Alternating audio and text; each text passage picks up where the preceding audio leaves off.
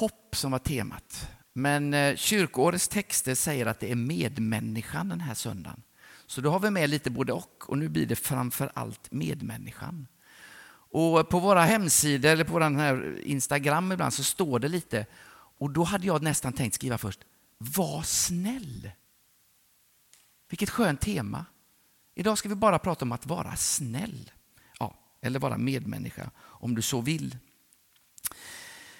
Förra söndagen då så var vi ju i eh, Granarp och då hade vi eh, dop och medlemsintagning. Och eh, när jag predikar de sista gångerna och den eftersmaken jag har från böda så tänker jag vad viktigt det är att vi pratar om vad som är viktigast med våran tro.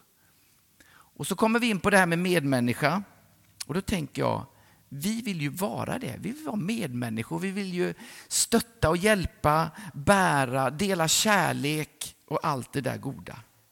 Och jag tror att om jag vill så kan jag hitta mängder med ställen i Bibeln som talar om detta. När vi möter medmänniskor ibland, så möjligtvis, jag har sagt det förut, i historien så har vi tänkt när vi möter någon, jag måste hjälpa den här människan att bli av med sin synd. Det har vi tänkt. Vi har skapat syndakataloger och, och lagar i mängder för hur vi ska bete oss. Och så är det det vi börjar med. Hej, jag heter Kenneth. Jag vill gärna berätta för dig vad du gör som är syndigt. För att om jag inte gör det så vet vi vart det tar vägen med dem som syndar. Och så är det en god tanke för dem som är i kyrkan. Men jag tänker att det är steg två. Steg ett är att vara medmänniska. Vi pratade om det på de där 14 punkterna nu i onsdags här. Hur Gud har tänkt från allra första skapelsen tills han kommer tillbaka. Ta med ett papper där ute. Det handlar jättemycket om detta, hur han tänker och vad vi ska göra för någonting. I vår församling, till att börja med förra gudstjänsten, denna gudstjänsten och så in i tillsammansläget, så ska vi prata mycket om våra gåvor. Vad kan du för någonting? Vad är vi bra på? Och jag är rätt övertygad om att är du gäst här idag så har du också gåvor som jag tänker är viktigt att du funderar på. Och möjligtvis en del av oss har gåvan att upptäcka hos andra vad de gör för fel. Det finns den gåvan också. Men jag tror att den är sekundär. Den gåva du har tror jag framför allt handlar om att vara medmänniska. Stötta, hjälpa, bära, älska de människorna som Gud har satt i din väg. Vi ska läsa några bibelställen nu och då tänker jag att du har med dig det här i bakhuvudet när vi läser de här ställena. Vad är det du och jag ska göra för de människorna som vi möter? Jag ska läsa fyra olika bibelställen och jag ska försöka läsa dem ganska sakta så vi får smaka på dem och så kan du sitta och tänka på dig själv. Hur skulle det här bibelstället se ut om jag tar till mig det och lever efter det? Romarbrevet 12. Bemöt alla lika och håll er inte för goda att umgås med dem som är ringa. Var inte självkloka. Löna inte ont med ont. Tänk på vad som är riktigt för alla människor. Håll fred med alla människor så långt det är möjligt och kommer an på er. Ta inte rätten i egna händer, mina kära, utan låt Guds vrede ha sin gång. Ty det står skrivet, min är hämnden, jag ska utkräva den, säger Herren. Men är din fiende hungrig genom att äta, är han törstig genom att dricka, då samlar du glödande kol på hans huvud. Låt dig inte besegras av det onda, utan besegra det onda med det goda.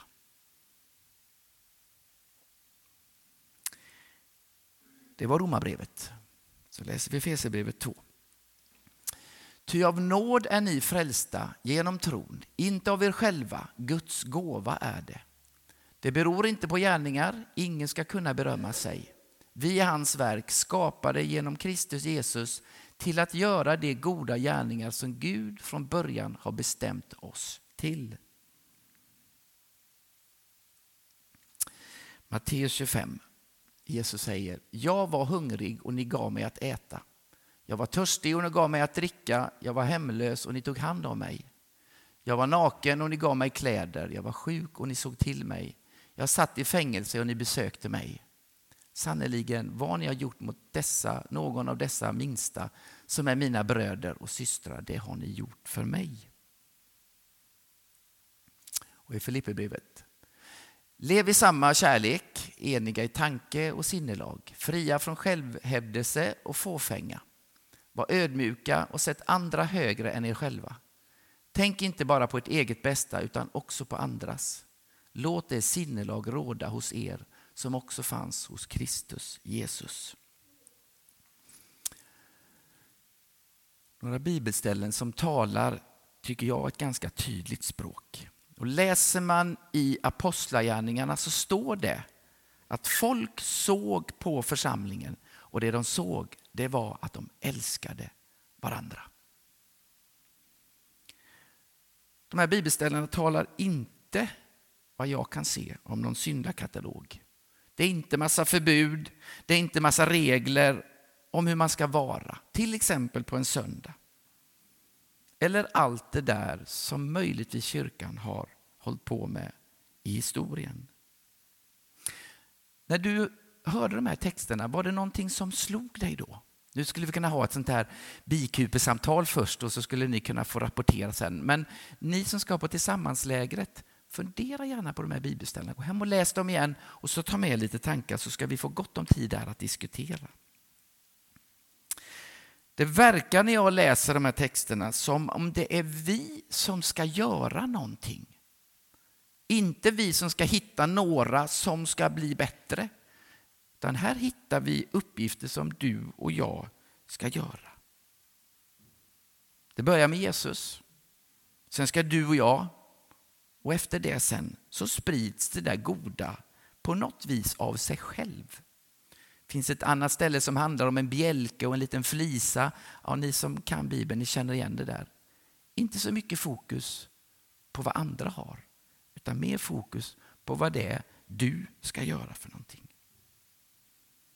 Det stod alla flera gånger, framförallt i den första texten. Om man läser Bibeln mycket så kan man se att det finns andra ställen som säger att de som är kristna, de ska hålla sig undan lite. För att inte vara för mycket med de där andra som kan föra dem bort från Gud. Har du en tro, så var mycket med. Ja, det finns många sådana ställen, men här pratar det om alla människor. Det pratar om ty så älskad Gud hela världen. Bemöt alla lika. Umgås med alla människor. Håll fred med alla människor. Ibland kanske vi har fått för oss att Gud älskar oss kristna mer. Jag tror inte det är så. Bibeln är tydlig. Vi ska älska som Gud, alla människor, hela tiden. När jag möter er i våra omsorgsgruppsträffar ibland så brukar jag säga så där, nu ska vi be tillsammans. Och ja, vi ska be om att vi får extra mycket kärlek till varandra i den här gruppen och hålla om varandra nära. Vi är ju människor. Jag tror att de flesta av oss har valt några stycken som de tycker om lite extra. Så, va? Och det är klart, i vår församling här så ska vi hålla om varandra lite extra, tycka om varandra lite extra. Och i dalen ska vi tycka... Ja, så är det ju. Men Guds budskap till dig i grunden är att vi ska älska allihopa. Vi träffade vår konfagrupp här nu och vi sa likadant då. Nu är det vi och vi ska hålla ihop och vi ska tycka om varandra. Vi ska bygga någonting som är så vackert så alla andra ska se, åh vad trevligt de har i konfagruppen. Vi ska älska varandra lite mer. Men Bibelns budskap är att vi ska älska alla lika mycket. Det är det som gäller. Det är enormt svårt. är det. Speciellt när man börjar fundera på när man är människa. Men det är det som är uppdraget. Nu ska vi se om vi kan få en bild till här. Titta du. En sån där gammal klassisk kalanka bild tänker jag när man läste. För när Kalanka har det lite jobbigt då har han en liten ängel där som pratar gott. Du är duktig och du är viktig och gör det här goda. Och så har han en liten röd gubbe där med högaffel och lång svans som säger gör det dåliga, gör dumheter, tänk på dig själv. Jag tror att den här bilden är bra att ha med sig. Hela tiden när jag ska vara medmänniska så är det alltid en kamp. Det är hela tiden valmöjligheter. Ska jag ta kakan och äta den själv eller ska jag dela den? När jag tar upp en godispåse på konfirmationen så säger jag, tar du upp den ska du dela, annars håll den för dig själv. Det där är en bra bild att ta med sig när man hela tiden funderar på hur ska jag göra i mötet med andra människor. Nu kan jag ta bort den så slipper vi se den där röda fula gubben. Det stod också någonting mer. Inte bara att du ska älska alla människor, du ska älska dina fiender, stod det i de texterna. Nu blir det krångligt. Om du vill, utan att säga några namn, tänk på någon som du faktiskt har lite svårt för. Vem är din fiende? Är det grannen som snor dina äpplen eller, eller någon som körde på dig ganska nyss och smet från platsen? Eller är det fröken som inte... Ja, jag vet inte. Sluta tänk på den en liten stund. Ja. Den människan ska du också älska. Hur är det ens möjligt? Nu blir det ju möjligt ännu svårare, men det är fortfarande Guds tydliga budskap till dig och mig. Han älskar alla och det ska du och jag också försöka göra. Nu tittar jag på er yngre här, för nu ska ni få en liten uppgift här. Det stod så här. Samla glödande kol på din fiendes huvud. Det är väl rimligt, kan man ju tänka när någon gör något dumt. Tar man lite kol så där och så lägger man det uppe på huvudet på någon så. Hur kan den stå så i Bibeln? Är det någon som vill förklara? Ja, men det, ju, det, skulle väl vara bland det elakaste man kunde tänka sig. Ja, men ser ni framför er? Ta en skopa så och lägga uppe på Hildas huvud. Det brinner rätt bra kan jag säga. Det kommer, det, alltså, hur kan det ens vara bibliskt? att göra en sån fruktansvärt elak sak. Och så stod det, du ska älska dina fiender. Det handlar ju naturligtvis inte om att samla kol och lägga det. Men om du är snäll mot din fiende, han är elak tillbaka, eller hon. Du fortsätter att vara snäll mot din fiende. Och han fortsätter att vara lite dum. Och du fortsätter att vara snäll mot din fiende. Så skapar du tankar i hans eller hennes huvud. Det brinner i huvudet. Hur kan den här människan vara snäll mot mig fast jag gör dumheter? Han bara är snäll hela tiden då går tankarna runt och det är som det brinner i huvudet på dem. Och de kan inte fortsätta att vara elaka. Fortsätt vara snäll, fortsätt vara snäll, fortsätt vara snäll. Så brinner det i skallen på folk och de slutar till slut, för det går inte. Vänd andra kinden till, ni vet. Pang! Så kommer den till och du bara står kvar. Jag tänker älska dig i alla fall, vad du än gör mot mig. Det är det. Så slutar jag kasta kol på varandra. Men det är det det handlar om. Och då blir det möjligtvis en lite bättre liknelse.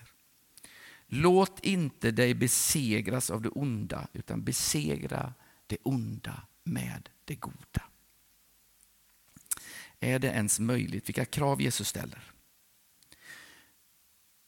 Kommer tillbaka till samma berättelse som ni kommer höra så länge jag jobbar här i Slättenkyrkan. Den förlorade sonen, min favoritberättelse. Han är längst bort.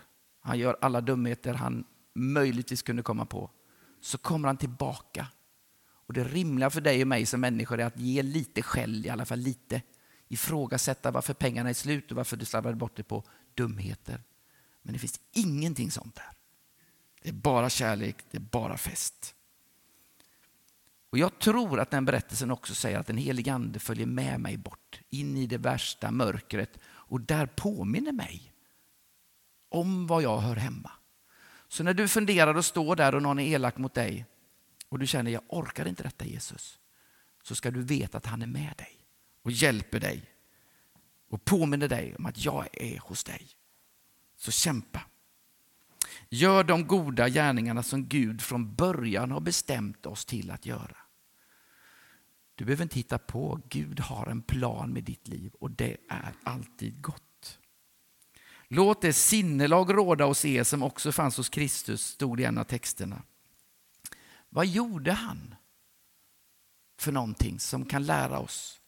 Ja, han tog upp barnen i famnen och välsignade dem. Gör det med alla människor du träffar. Ja, ta upp dem i famnen kan du väl vara lite försiktig med. Men du kan åtminstone välsigna dem, alla du möter.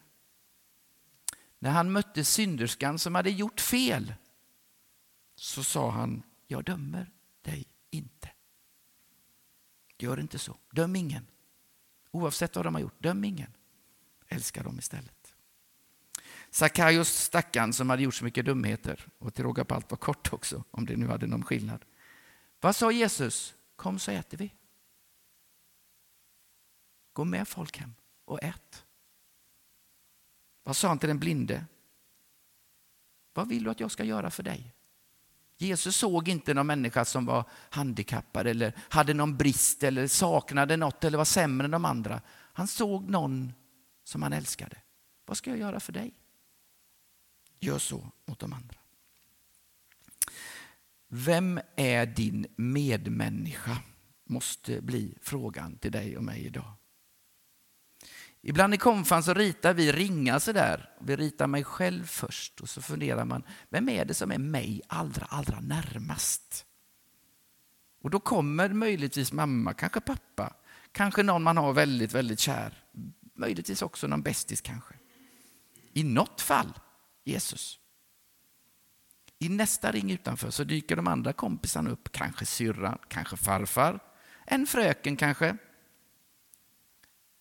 I nästa ring utanför så kanske en ungdomsledare kommer. Och i nästa kommer pastorn. Ja. Mm. Och kanske grannen, kanske arbetskamraten och så vidare. Och så flyttas det längre och längre ut. Och, och alla de där ska du ju älska. Det är enkelt att älska dem som finns där inne. Men ha, om du vill, en sån där liten ring och se vem är det som kommer först i ledet av de där som du har lite svårare att tycka om. Kanske är det där du ska börja tänka lite extra. Heja en extra gång på grannen. Vi var ner rutan och vinkade till den som åkte förbi i bilen och hötte med näven. Ja, vad vet jag, vad ska du göra? Jag tror att Jesus är väldigt, väldigt tydlig. Inte så mycket prat om vem det är som lite dricker lite för mycket eller möjligtvis svär eller har kepsen på sig eller får barn utanför äktenskapet. Jag tror inte det är prio för Jesus. Han vill att du och jag ska älska varandra, göra gott, visa på honom som älskar alla. Då får vi gå i det ledet och älska de andra. Sen tror jag när du har fört en människa in i Jesu närhet så kommer den människan att lära känna Jesus Kristus och vilja förändra sig. Men då är vi på steg två. Det är inte ditt och mitt uppdrag. Låt oss älska varandra med den kärleken som Jesus har älskat oss. Låt oss be.